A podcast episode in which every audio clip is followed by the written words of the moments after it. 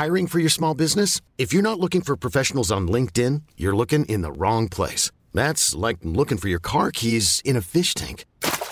LinkedIn helps you hire professionals you can't find anywhere else, even those who aren't actively searching for a new job but might be open to the perfect role. In a given month, over 70% of LinkedIn users don't even visit other leading job sites. So start looking in the right place. With LinkedIn, you can hire professionals like a professional. Post your free job on linkedin.com slash achieve today. Hey, it's Ryan Reynolds, and I'm here with Keith, co-star of my upcoming film, If, only in theaters May 17th. Do you want to tell people the big news? All right, I'll do it. Sign up now and you'll get unlimited for $15 a month and six months of Paramount Plus Essential Plan on us. Mintmobile.com slash switch. Upfront payment of $45 equivalent to $15 per month. Unlimited over 40 gigabytes per month. Face lower speeds. Videos at 480p. Active Mint customers by 531.24 get six months of Paramount Plus Essential Plan. Auto renews after six months. Offer ends May 31st, 2024. Separate Paramount Plus registration required. Terms and conditions apply if rated PG. Millions of people have lost weight with personalized plans from Noom. Like Evan, who can't stand salads and still lost 50 pounds.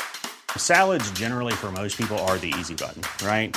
For me, that wasn't an option. I never really was a salad guy. That's just not who I am. But Noom worked for me. Get your personalized plan today at Noom.com. Real Noom user compensated to provide their story. In four weeks, the typical Noom user can expect to lose one to two pounds per week. Individual results may vary. Helt siden de første menneskene slo seg ned i Trøndelag, har det blitt observert underlige lys over Hessdalen. Fenomenet har blitt forsøkt bortforklart som syner sett av bygdetullinger og deliriske hallusinasjoner forårsaket av den lokale drikkekulturen.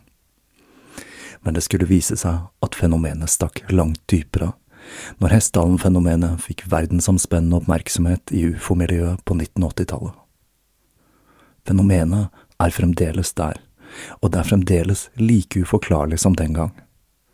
I 2024 kommer en podkastserie i seks deler, produsert av Project Hessdalen, som kanskje en gang for alle skal finne svar på hva som rører seg på himmelen i denne bortgjemte dalen i Trøndelag. Serien har som seg hør og bør fått tittelen A Blaze in the Northern Sky, og den kommer til din favorittpodkastavspiller i 2024.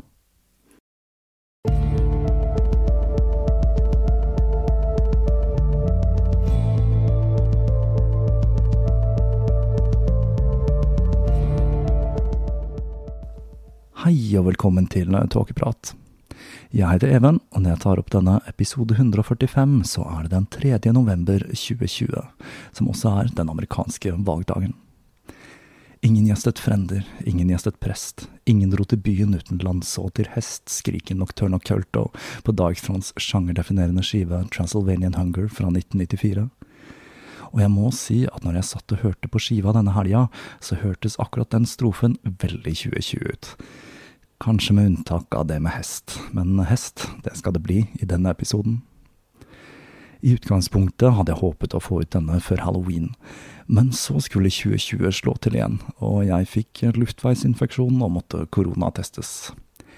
Nå regner jeg med at dere er minst like lei av korona som meg, så jeg skal ikke snakke så altfor mye om det, men jeg hadde en litt interessant opplevelse som jeg har lyst til å dele med dere. Det er mye snakk om koronatretthet om dagen, og jeg fikk virkelig smake litt på hva det innebærer.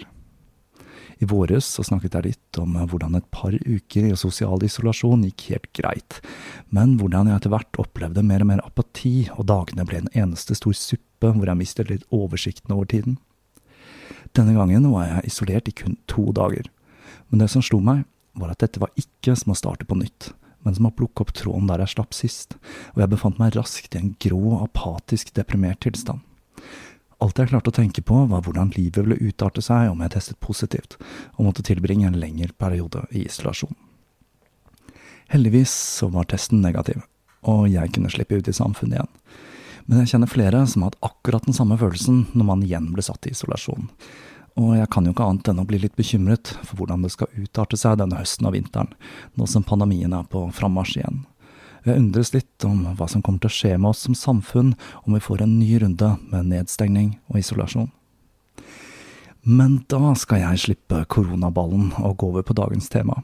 Og den andre delen om den hvite baronen, vår språkkyndige hestevenn, han var i hvert fall ikke apatisk. Det kan vi allerede slå fast. I denne episoden skal vi se litt nærmere på hvordan Ungarn fant meningen med livet på slagmarken, og hvordan revolusjonen passet perfekt inn i hans verdensbilde, der den eneste redningen fra apokalypsen var kongen av Shambhala, som skulle komme fram fra sitt skjulested og rense verden når den sto i brann.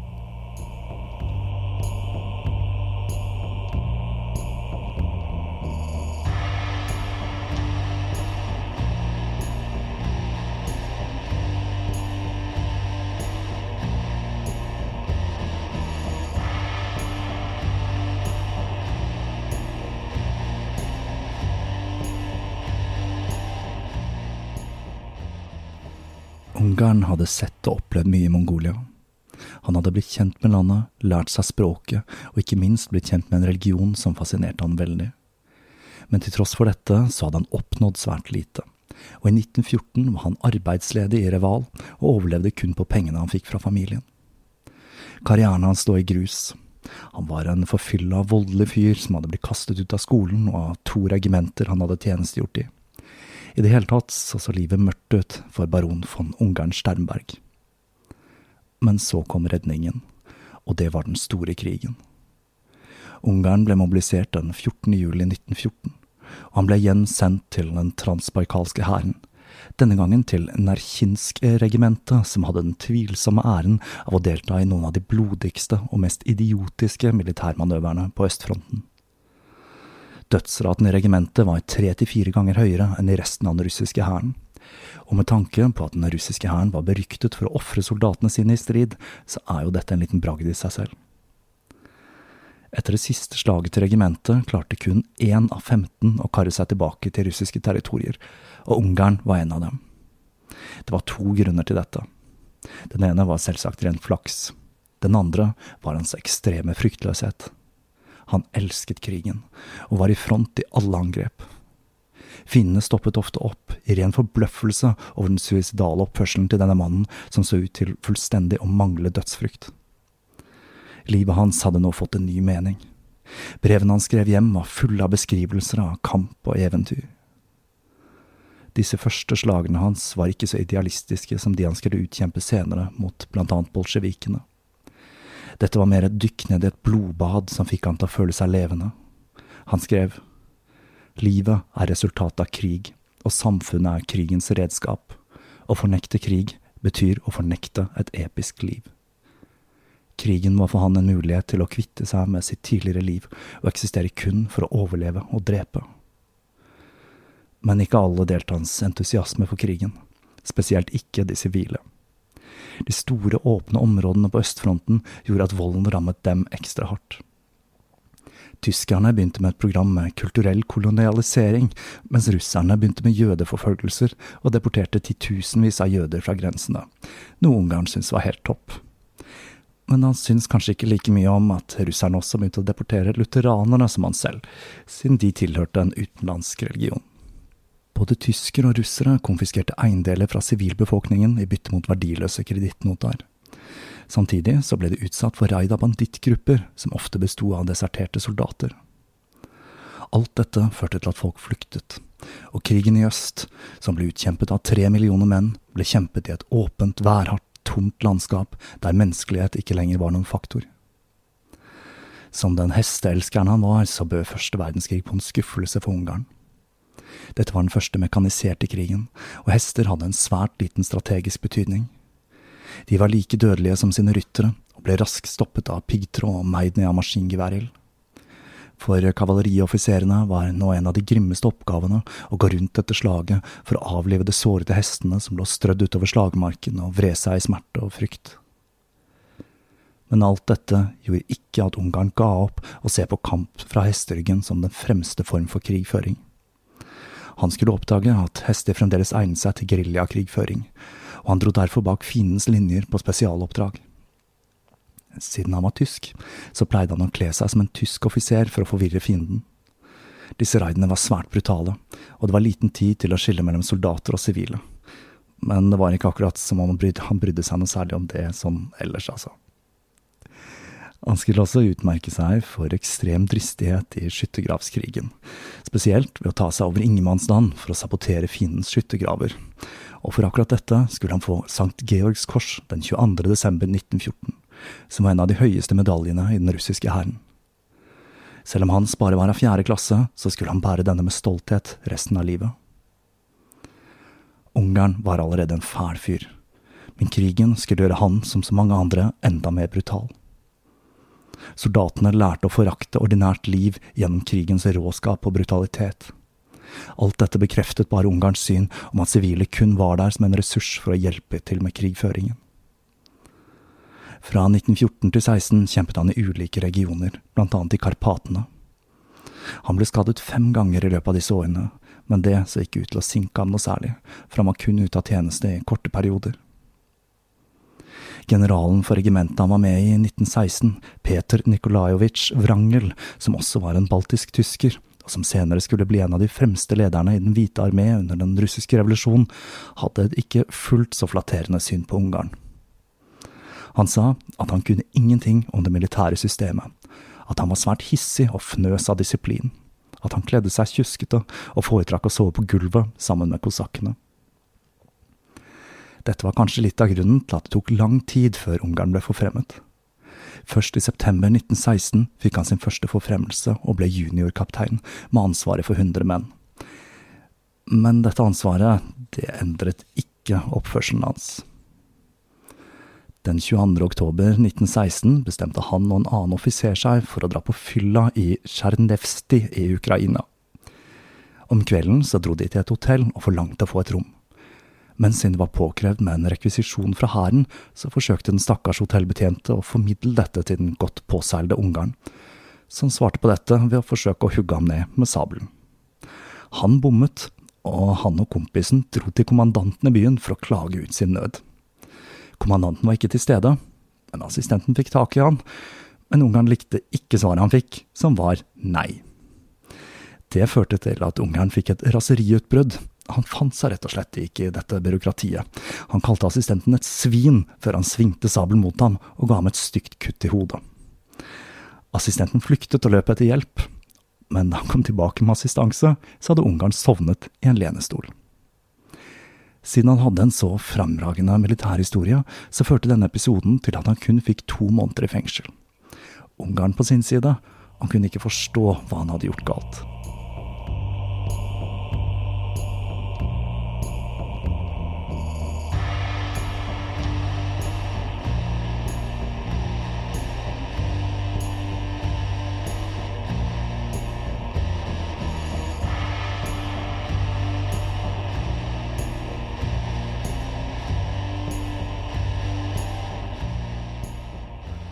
Han ble løslatt, ble han overført til reservestyrkene.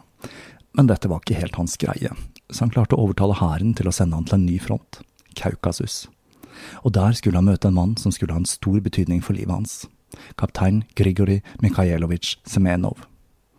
Han hadde den perfekte etniske miksen for å bli en kompis av Ungarn, som halvt buriat-mongol og halvt kosakk. Dette var en svært oppegående og belest fyr, som i likhet med Ungarn var dyktig i en rekke språk. På samme måte som Ungarn så hadde han tilbrakt mye tid i Mongolia. Men i motsetning til han så hadde han utrettet en rekke ting i landet. Blant annet så hadde han blitt venn med Bogd Khan, som vi husker fra forrige episode, som mongolenes feite, halvblinde, brutale religiøse leder. Og han hadde i tillegg blitt venn med flere andre prominente mongolske ledere. Han var kjent for sitt mot, sin besluttsomhet og sitt lederskap, men han hadde også en del svakheter, han var eksempel svært korrupt, og han brydde seg lite om hvordan han oppnådde resultater. Alle metoder ble tatt i bruk så lenge han nådde målet han hadde satt seg. Det var kanskje ikke så rart at han Ungarn fant tonen raskt. De to ble sendt til den tyrkisk-russiske konflikten i Persia, i fjellene rundt innsjøen Urmia, som i dag ligger i nordvest-Iran. De befant seg plutselig i et av de grusomste kapitlene innen første verdenskrig. I august 1915 hadde tyrkere og kurdere begynt et systematisk folkemord på kristne asyrere i området, under påskuddet om at de samarbeidet med Russland. Bare i området rundt Urmia alene ble tusenvis av asylere drept i et folkemord som kostet mer enn 250 000 mennesker livet. Folk ble drept med de mest primitive metoder. Grupper med mennesker ble bundet sammen med tau og kastet av klipper. De ble hugget ned for fotene og skutt i massehenrettelser. Hungersnød og sykdom hjalp til med å ta livet av de få som klarte å berge seg fra de tyrkiske troppene. Ungarn så på asyrerne som potensielle soldater som kunne kjempe for Russland, og han klarte å samle en liten styrke. Men når revolusjonen brøt ut, så ble de forlatt til å forsvare seg selv mot den tyrkiske hæren, med kun noen få rester av våpen som en over Ungarn ikke hadde tatt seg bryet med å ta med seg. Men denne ideen skulle inspirere Semenov, som begynte å syste med ideen om å lage et rent Buriat-regiment for å forsvare den russiske staten. Men den staten var i knestående. I februar 1917 var landet i fyr og flamme. Folk var lei av inkompetansen til tsaren, og kosakkene som en gang hadde vært spydspissen i kampen mot demonstranter, var de første som vendte seg mot sine tidligere makthavere. Kollapset til det gamle systemet var et hardt slag for Ungarn, som var en svoren monarkist. Mens han og Semenov fortsatte å rekruttere asyrere, skrev Semenov til den nye regjeringen og ba om tillatelse til å rekruttere burjatter til et nytt regiment. Den skjøre regjeringen i St. Petersburg var desperate etter alle muligheter til å styrke det kollapsende imperiet, så Semenov fikk tillatelse til dette. Hvor eh, Ungarn befant seg i perioden Semenov begynte å samle et nytt regiment, er usikkert. Han kan ha besøkt hjembyen i Estland, og om han gjorde det, så var det i så fall siste gang. Hans biologiske far skulle dø i St. Petersburg kun fire år senere, og resten av familien flyktet til Tyskland og Amerika, og Ungarn skulle aldri mer ha noe kontakt med dem. I november ble vinterpalasset tatt av bolsjevikene under ledelsen til Lenin, og selv den russiske venstresiden ble overrasket over brutaliteten de hadde tatt i bruk.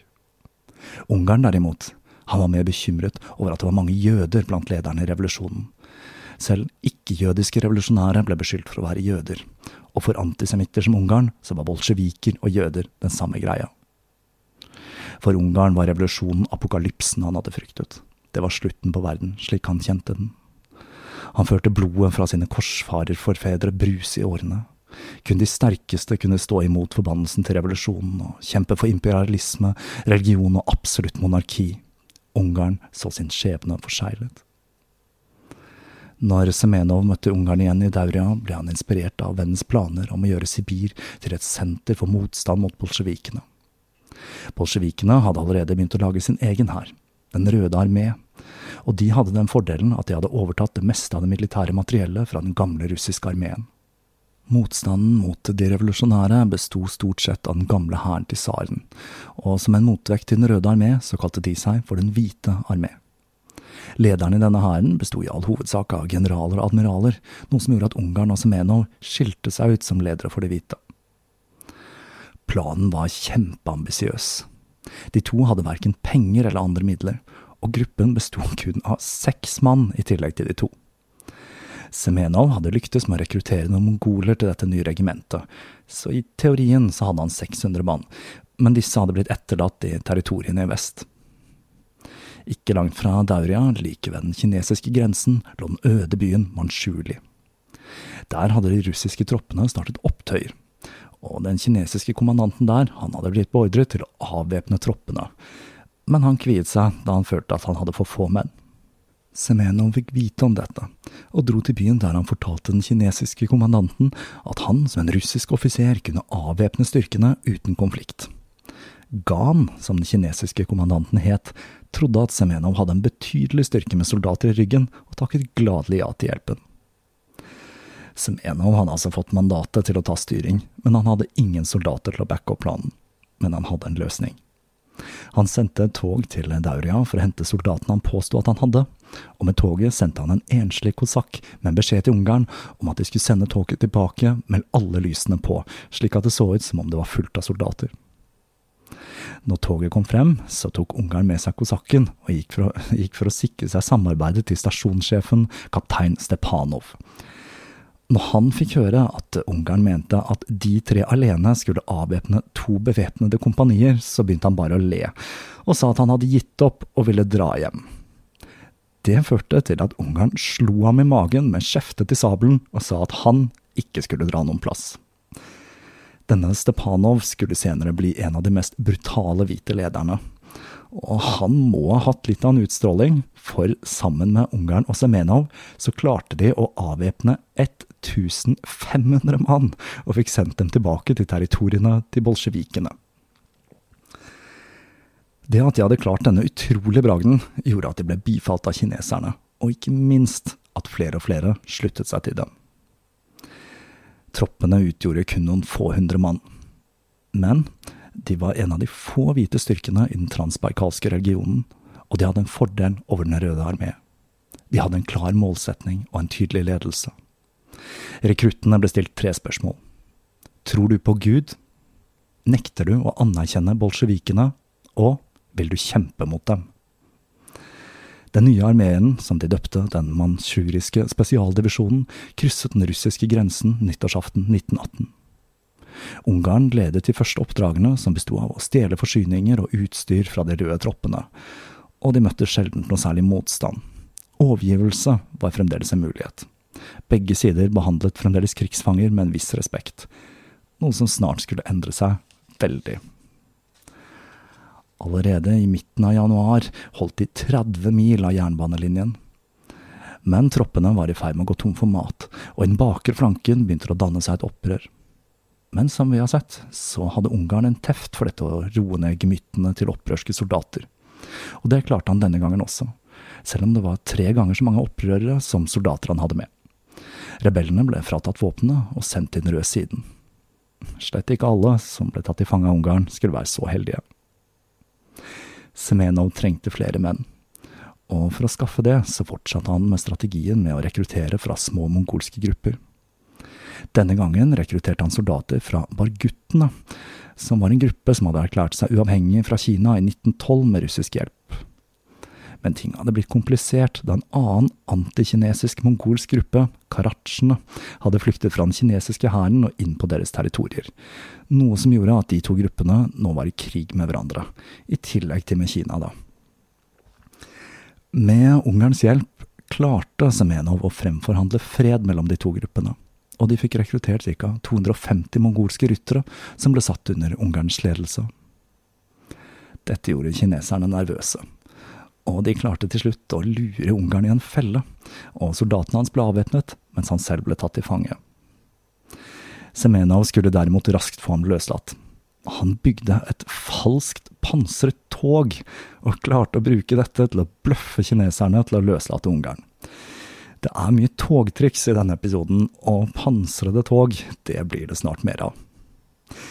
Men til tross for denne lille seieren, så skulle Den røde armé bite fra seg. Innmarsjen 1918 hadde Semenov og Ungarn mistet alle territoriene de hadde klart å ta. Og det eneste som reddet dem fra fullstendig ødeleggelse, var at Kina inngikk en våpenhvile med Den hvite armé, av frykt for at konflikten skulle bre seg inn på kinesiske territorier. De forsøkte nå å finne støtte i Manchuria, noe som var spesielt vanskelig for Ungarn, som fullstendig manglet sosiale ferdigheter. Men han hadde i det minste litt kjennskap til språket, noe som hjalp han litt på vei. Han forsøkte å finne støtte blant ulike fraksjoner av de hvite, mens han forhandlet med japanerne og forsøkte å få kineserne til å forholde seg nøytrale. Et arbeid han syntes var frustrerende, og som gjorde ham utslitt. På toppen av det hele var Den hvite armé preget av intriger og rivaleri, og det var slett ikke alle som kunne stoles på. Det var litt bedre med mongolene. Elevate your travel style with Quince. Quince has all the jet-setting essentials you'll want for your next getaway, like European linen, premium luggage options, buttery soft Italian leather bags, and so much more. And it's all priced at 50 to 80% less than similar brands. Plus, Quince only works with factories that use safe and ethical manufacturing practices. Pack your bags with high-quality essentials you'll be wearing for vacations to come with Quince. Go to quince.com slash trip for free shipping and 365-day returns. If you're looking for plump lips that last, you need to know about Juvederm lip fillers. With Juvederm Volbella XC and Juvederm Ultra XC, your lip look, whether it's subtle or bold, can last up to one full year with optimal treatment and no additional maintenance. Find a licensed specialist and see if it's right for you at juvederm.com today. That's J U V E D E R M.com. Add fullness to lips in adults over 21 with Juvederm Volbella XC or Juvederm Ultra XC. Do not use if you have severe allergies or a history of severe allergic reactions, or if you're allergic to lidocaine or the proteins used in Juvederm. Tell your doctor if you have a history of scarring or taking medicines that decrease the body's immune response or that can prolong bleeding. Common side effects include injection site redness, swelling, pain, tenderness, firmness, lumps, bumps, bruising, discoloration, or itching. As with all fillers, there's a rare risk of unintentional injection into a blood vessel, which can cause vision abnormalities, blindness, stroke, temporary scabs, or scarring. For full important safety information, visit juvederm.com. Og enkelte grupperinger der som hadde støttet King-dynastiet, så på det å gjeninnsette tsaren og gjenreise det gamle imperiet som noe som kunne gi dem bedre beskyttelse enn det nye styret. I mellomtiden lette Semenov etter noen som kunne støtte den manchuriske spesialdivisjonen økonomisk, og han skulle finne det han lette etter i Japan. Japanerne var ikke bare veldig bekymret for at revolusjonen skulle spre seg til landet deres, men de så også på krigføringen i Sibir som en gyllen mulighet til å øke innflytelsen sin der. Etter den russisk-japanske krigen hadde ambisjonene deres om ekspansjon og kolonialisme økt, og hemmelige ultranasjonalistiske japanske selskap arbeidet i det skjulte for å øke innflytelsen på kontinentet. De trengte derfor en russisk alliert, og i Semenov fant de en hvit leder de kunne lene seg på, og de begynte å støtte ham og divisjonen med penger, våpen og rådgivere. I tillegg skulle Semenov også få noe støtte fra England og Frankrike. Med mer penger på kistebunnen begynte han å ansette kinesiske leiesoldater for å utvide sine mongolske tropper. Det at Semenov hadde blitt en så markant lederfigur i Den hvite armé, til tross for at han kun var en kaptein, gjorde at det begynte å murre blant de andre lederne i bevegelsen. I mars 1918 begynte den manchuriske spesialdivisjonen å presse seg tilbake inn i den transbaikalske regionen, men Den røde armé svarte raskt med å sende tusenvis av soldater mot den litt brokede armeen til Semenov. Ting så svart ut igjen, men så skulle de få hjelp fra uventet hold. Den tsjekkoslovakiske legion, en gruppe av 50 000 tsjekkiske og slovakiske soldater som hadde blitt tatt til fange under den første verdenskrig, havnet i trefninger med bolsjevikene i mai 1918. Og Den hvite armé så sitt snitt til å bli med, og på den måten jage Den røde armé ut fra områdene de hadde tatt i Sibir og Ural. Den manchuriske spesialdivisjonen kastet seg inn i kampen, men de led et sviende nederlag, og ble kun reddet da en japansk bataljon kom til unnsetning, slik at Semenov kunne føre troppene sine dypt inn i Manchuria, hvor de kunne omgruppere. Senere samme år, i august, forsøkte de igjen. Denne gangen med tsjekkisk og japansk assistanse, og denne gangen skulle de lyktes.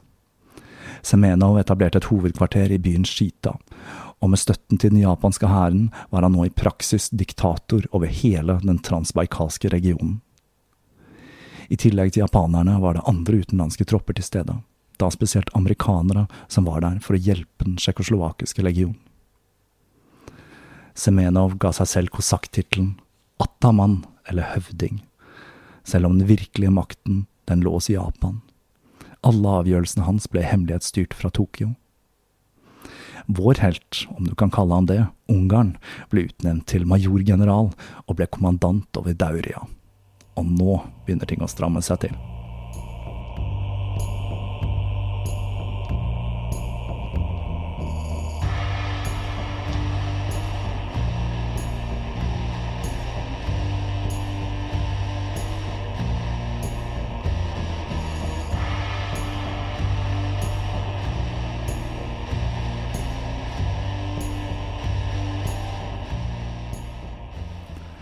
Det var et spesielt ulverikt år i Sibir. Ulvene fulgte krigen. De fråtset på de døde. Både Den hvite og Den røde armé hadde for vane å henge opp likene av drepte fiender langs veien, og ulvene så sitt snitt til å ete føttene på disse. De ble så mange at de til og ble modige nok til å angripe mennesker, noen ganger selv noe så uvanlig som grupper med mennesker. Det ble sagt at Ungarn hadde et spesielt forhold til ulver, og at han hadde sin egen flokk han fòret med fanger og opprørske soldater. Det ble til og med sagt at han hadde en egen slede trukket av ulver, og at han ble sett gående i det øde landskapet nattestid blant avgnagende menneskebein. Vi skal se at det var noen radikale forskjeller mellom Semonov og Ungarn. En av disse var forholdet til det materielle. Hovedkvarteret til Ungarn var uanselig. Dette dreide seg om en liten ansamling falleferdige hytter, en liten kirke og et fort laget av rød murstein. Observatører sa at bygningen så ut som et skittent slaktehus dekket i blod. Ungarn skulle forbli Dauria i to år, og det var der han begynte å bygge sitt imperie. Et imperie som han styrte som en middelaldersk føydal herre. Det var nå han virkelig ble en baron. Han hadde mange kallenavn, men alle skjønte hvem det ble referert til, enten det var baronen, den gale baronen, den blodige baronen eller den svarte baronen. Under borgerkrigen hadde samfunnet og de sosiale normene brutt ned, og vold var nå en del av hverdagen. Semanovs soldater var kjent for å være spesielt brutale, og utlendinger ble sjokkert når de så hvordan de turet frem. En bemerket at det så ut til at de så seg nødt til å piske, straffe eller drepe noen hver dag, slik at lokalbefolkningen skulle huske på hvem som beskyttet dem mot bolsjevikene. Men selv i dette scenarioet skilte Ungarn seg ut. Nå hadde han sitt eget rike, og han var en del av en bevegelse der ekstremvold ble applaudert. Det var andre som også utmerket seg, som Semonovs protesjé Ataman Kalmikov, som var særs brutal. Han torturerte fanger i dagevis, til det som var igjen knapt var gjenkjennelig som et menneske. Når han følte det ikke var mer å hente, ble torturen avsluttet med at fangen fikk tvunget en granat inn i munnen eller anus. Men til tross for dette fikk Kalmikov kun en brøkdel av den oppmerksomheten Ungarn fikk. Dette skyldtes nok at var, det var noe sært og underlig med ham, og kanskje også det hadde noe med den adelige bakgrunnen hans å gjøre. Flyktninger som desperat forsøkte å komme seg til sikkerhet i Kina, ble sagt å måtte gå baronens labyrint. Og alle som hadde nyttige evner, enten det var soldater, leger eller lignende, ble overtalt til å bli med hæren hans. Ryktet om Ungarn spredte seg, og reisende ble advart om å holde seg unna områdene til den blodige baronen. Det som var spesielt med Ungarn, er at han i motsetning til Kalmikov var ekstremt populær blant troppene sine. Han tok del i livsstilen deres, og han hadde en forakt for byråkrati og sørget for at de hadde det de trengte. Alt dette gjorde at han til tross for å være i begynnelsen av 30-årene var kjent blant soldatene som den strenge bestefaren, og hans mest lojale følgere skulle følge ham de neste tre årene, før ting begynte å skli litt vel mye ut. Soldatene hans fikk lov til å plyndre reisende, som, som oftest var flyktninger, men noen ganger også kinesiske kjøpmenn, og de var grundige. Dersom de eksempel hadde en ring som var vanskelig å få av, så løste man dette ved å hugge av fingeren. Utbyttet fra disse ranene gikk i felleskassa. Ungarn benyttet seg ikke av sjansen til å berike seg på situasjonen, men gikk tvert imot i gamle, fillete klær. Vi kan finne et lite unntak eh, her og der. En gang kjøpte han eksempel kokosnøtter, men midt oppi alt det andre så må vel dette sies å være en liten ting. Mens resten av Semenovs hær forsøkte å opprettholde en fasade av å være sivile, så bød dette Ungarn imot. Han pleide jevnlig å brenne alt papirarbeid, og ga alle ordre kun muntlig. En stakkars byråkrat fra Skita ble sendt til Ungarn for å gå gjennom dokumenter, ble han pisket og tvunget inn i hæren. En annen populær historie blant soldatene var at han en gang hadde oppdaget at den saltede fisken soldatene fikk servert, ikke var av beste kvalitet. Og han hadde løst dette ved å sende den ansvarlige offiseren til et militærfengsel hvor han måtte spise råtten fisk i tre dager uten å få en dråpe med vann å drikke. Men det var ikke bare bare å være barnebarnet til denne strenge bestefaren. Han tolererte ikke unnasluntring, og om noen gjorde noe feil, så førte dette til at han fikk voldsomme raserianfall, noe som kanskje er litt ironisk med tanke på hans egen manglende disiplin. Og så kommer enda en av disse underlige positive sidene til Ungarn. Han var svært tolerant overfor rase og religion. Soldatene kunne feire hvilke nasjonale og religiøse høytider de ville, og når det var bønnetid på kveldene, så kunne man be til hvilken eller hvilke guder man ville.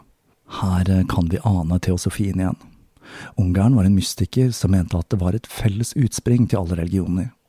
Selv om hans eget utgangspunkt var apokalyptisk og fundamentalistisk, så hadde han rom for muslimer, buddhister, ortodokse og lutheranere. Men selvsagt ikke for jøder. Ungarn hadde vokst opp med de vanlige jødefordommene, men de hadde blitt forverret av hans esoteriske studier, og ikke minst den antisemittiske litteraturen som sirkulerte i Den hvite armé. Den mest kjente av disse er nok Sion Vises protokoller, men også tekster som Sunder-dokumentet inspirerte Ungarn. Dette var et skriv som ble sagt å ha blitt funnet på en død jødisk revolusjonær, og her kunne man lese at Israels sønner sto på terskelen til totalt verdensherredømme, og at det russiske folk nå var under jødisk dominans. Antisemittismen hadde fått seg en ekstra oppsving da det ble sirkulert nyheter om at Sarina Alexandra hadde lest en bok av den antisemittiske forfatteren Sergius Nilus mens hun var fengslet. Sion Vises protokoller var en del av denne boka, og hun skulle ha tegnet en svastika på vinduet. Nyheten om at selveste Sarinaen hadde en forbindelse til det esoteriske, buddhistiske og antisemittiske, måtte ha vært en fryd for ørene til Ungarn. I protokollene kunne man lese at Israels konge skulle forårsake apokalypsen, mens som vi husker fra forrige episode, så hadde man i Østen legenden om Shambhala, fortellingen om hvordan en buddhistisk konge skulle ri fram fra dette skjulte riket og rense verden. Dette dualistiske verdensbildet var en sentral del av kosmologien til Ungarn. Tradisjonelt i Russland hadde man sett på jøder som en slags underklasse som skulle skvises ut av det gode selskap. De hadde nektet å anerkjenne Jesus som Guds sønn, og de hadde drept ham, og måtte derfor straffes for det men de skulle holdes i live fram til dommedag. Men slik Ungarn så det, så var dette folket ikke bare besmittet, de var ren ondskap. Det holdt ikke å bare støte dem ut. De var den egentlige drivkraften bak revolusjonen og bolsjevikene. De var årsaken til hva Ungarn så på som sivilisasjonens fall. Konklusjonen var like enkel som den var grusom. For å kvitte seg med denne giften måtte alle jøder, alle menn, kvinner og barn, utryddes, det var bare slik det russiske imperiet kunne gjenreises, og jødeutryddelsene var i gang. I Ukraina i slutten av 1919 ble titusenvis av jøder drept av Den hvite armé og ukrainske kosakker, som en direkte konsekvens av oppblomstringen av antisemittisme i de siste årene av tsarveldet. Ved siden av å planlegge jødeutryddelser hadde Ungarn andre ting han syslet med. Han skulle ha vært svært dyktig til å konversere, og han elsket å diskutere filosofi, religion og verdensbegivenheter med sine besøkende. Han var ekstremt opptatt av alt som var mongolsk, og han brukte det meste av tiden sin med sine mongolske tropper, noe som gjorde at han hadde en inngående kjennskap til deres religion, skikker, overtro og magi. Det var spesielt spåkunst han fant interessant, og han forhørte seg til stadighet med buryatiske spåmenn før han tok store avgjørelser. Militær autoritet spilte kun andrefiolin i forhold til hans tro på skjebnen. Denne troen skulle vokse seg sterkere med årene, og skjebnen til tusenvis av mennesker skulle hvile på den. I tillegg så hadde han gjort en skikkelig livsstilsendring. Han hadde sluttet å drikke, og tidlig i 1919 forbød han soldatene sine det samme, og truet med krigsrett dersom han skulle finne noen i regimentet hans på fylla. Men rusfri, det var han ikke. Han erstattet drikkingen med opium, noe som ga han en enda mer mystisk status. Soldatene de spredte rykter om at han i opiumståken hadde visjoner som forsterket profetiene han hadde blitt fortalt. Ungarn levde et asketisk liv, og han hadde altså liten interesse for det materielle, noe som blir understreket av at han ga bort sin egen lønn til regimentets felleskasse. Semenov derimot, han var en ganske annen sak.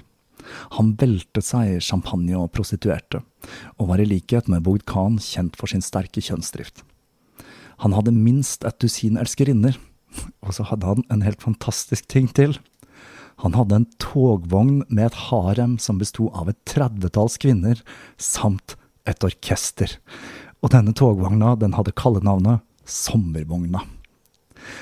Han var også svært grådig og korrupt, og alt han klarte å stikke til seg av ekstra penger, det saltet han ned på kontoer i utlandet. I mars 1919 fikk Ungarn enda et St. Georgs kors, og han ble utnevnt til løytnantgeneral av Semenov. Ungarn var stolt av disse utmerkelsene, til tross for at det begynte å bli kanskje litt vel mange generaler i Den hvite armé. De ulike livsstilene til de to gutta gjorde at de begynte å skli litt fra hverandre. Ungarn likte ikke korrupsjonen og ekstragavansen til Semenov, og kanskje verst av alt var at han var tolerant overfor jøder. Semenov hadde beholdt et jødisk teater og en synagoge i Shita, og det gikk til og med rykter om at favorittelskerinnen hans selv var jøde. Han hadde til og med forsøkt å gjøre noe så selvmotsigende som å starte et eget jødisk kosakkregiment. De to var også uenige om hvilket styresett som skulle innsettes dersom de vant. Semenov han ville nemlig ha et konstitusjonelt monarki, altså ikke helt ulikt det vi har på papiret her i Norge, mens Ungarn han ville ha et skikkelig godt gammeldags monarki med en allmektig tsar. Mannen han hadde sett seg ut som tsar, var tsarens yngre, ikke fullt så oppegående bror, prins Mikael. Det han ikke visste, var at denne mannen hadde blitt snikmyrdet av bolsjevikene i 1918. Men siden ingen visste dette, så gikk det stadig rykter om at Mikael var blitt observert på ulike steder i imperiet. Liberalisme og kapitalisme livnærte seg på folks blod, mente han. Og det var jødene som sto bak revolusjonen. Så mye var klart. Han var overbevist om at aristokratiet kom til å bli overtatt av jødene, ettersom slavere ikke hadde den intellektuelle kapasiteten til å styre landet.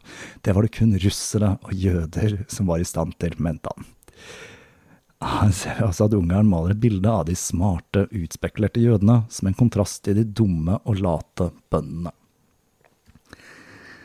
Men før monarkiet kunne gjenreises ved hjelp av denne Mikael, så måtte krigen vinnes. Fronten i Sibir var enorm, og hele bataljoner kunne passere ubemerket gjennom fiendens territorier. Samtidig var de mest strategiske punktene svært smale, og jernbanelinjer, stasjoner og andre strategiske punkter var yndede mål for sabotasje. Togene var som byer på hjul. Her fant man kirkevogner, trykkerivogner, bordellvogner, bibliotekvogner og torturvogner. Og på grunn av dette så finner vi et fenomen som kanskje er det mest steampunk jeg noensinne har hørt om, og det er armerte tog. Det hadde blitt produsert tre standard armerte tog under krigen, som kunne levere en enorm ildkraft til et begrenset område. Men i Sibir så hadde de begynt å konstruere sine egne armerte tog. Dette dreide seg om improviserte greier der ingeniørene skrudde sammen fantasifulle kreasjoner ut fra hva de hadde, som gjerne var tidligere marineartilleri. Dette dreide seg stort sett om åtte til ti vogner, men de kunne også være lengre. De kunne også sette sammen på forskjellige måter, tilpasset ulike oppdrag, og ble gjerne malt i kamuflasje eller i rent sort. Den røde armé forsøkte å gjøre dette til en organisert og strategisk eh, affære, der toget ble brukt som et mobilt artilleri. Men i kontrast til dette var eh, Semanovs kapteiner noe som minnet mer om sjørøverkapteiner der disse togene ble brukt til å rulle inn i en intetanende by og røve til seg det de kunne, med trusselen om å blåse hele byen til himmels dersom de ikke fikk det de ville. Togene fikk også spenstige navn, slik som Mesteren, Hevneren, Ødeleggeren, Den grusomme og Den nådeløse. Tiden når man sendte krigsfanger hjem, var nå over, og de armerte togene var utstyrt med dødsvogner. Disse fylte man opp med krigsfanger som ble dratt målløst rundt fra stasjon til stasjon uten mat og vann. 30–40% av disse fangene døde de første ukene, og resten ble til slutt henrettet på øde steder i Sibir. Alt dette gjorde at det dannet seg grupper av røde partisaner som forsøkte å sabotere mest mulig for de hvite, og det var toglinjene som var det viktigste målet. Ungarns menn ble sendt ut for å røyke ut partisanerne fra skoger og landsbyer og det at mongolene så ned på mennesker som ikke var nomadiske, backet av Ungarns forakt for bønder, gjorde at det gikk spesielt hardt utover sivilbefolkningen når landsbyer ble hva de kalte renset for partisaner. Det ble etablert en rekke torturkammer i Transbaikal, som ble fylt opp med fanger fra Den røde armé og mistenkte forrædere. En av de mest beryktede var Makevo, hvor mer enn 5000 mennesker ble myrdet og vitner som besøkte stedet etter krigen, fortalte forferdet at man kunne se rester av tørket menneskekjøtt som hang fra kroker på veggene.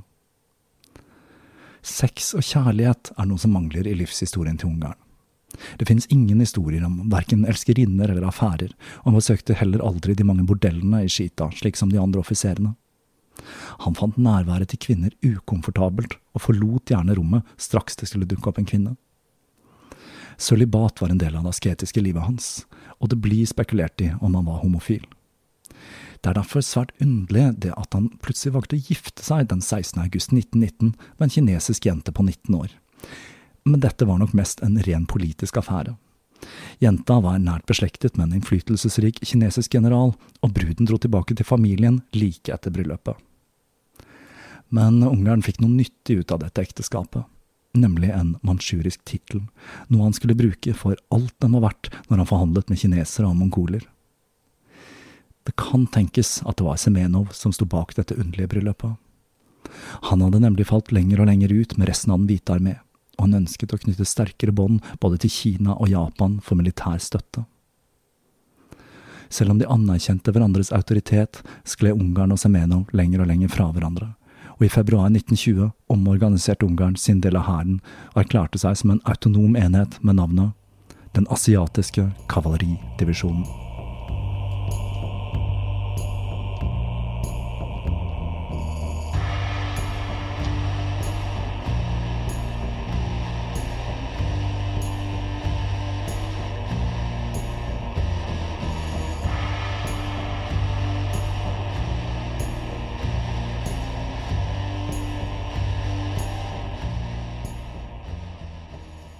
Og der gir vi oss for denne gang, med et scenario fylt av torturkammer, armerte tog og blodige slag på endeløse stepper. Jeg kan vel ikke si annet enn at dette går Mad Max en høy gang.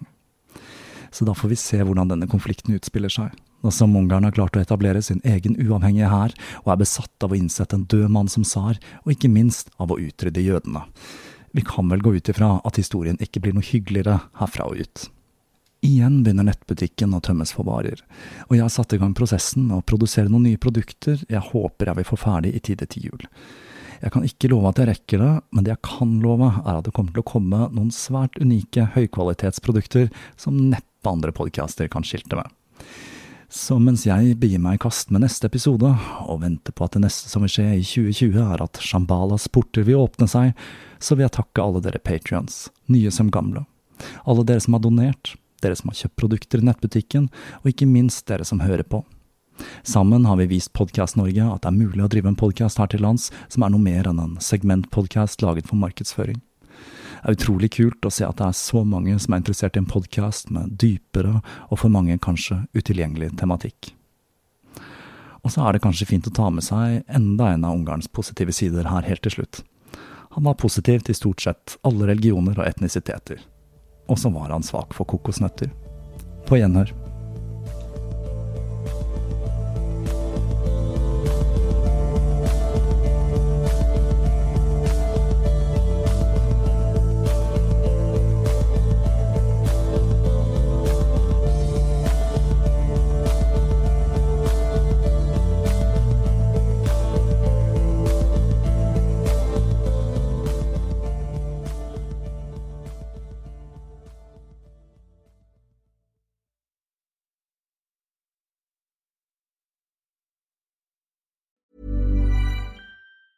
Hi, I'm Daniel, founder of Pretty Litter. Did you know cats tend to hide symptoms of sickness and pain? I learned this the hard way after losing my cat, Gingy. So I created Pretty Litter, a health monitoring litter that helps detect early signs of illness by changing colors, saving you money and potentially your cat's life. Pretty Litter is veterinarian developed, and it's the easiest way to keep tabs on your fur baby's health right at home. Go to prettylitter.com and use code ACAST for 20% off your first order and a free cat toy. Terms and conditions apply. See site for details.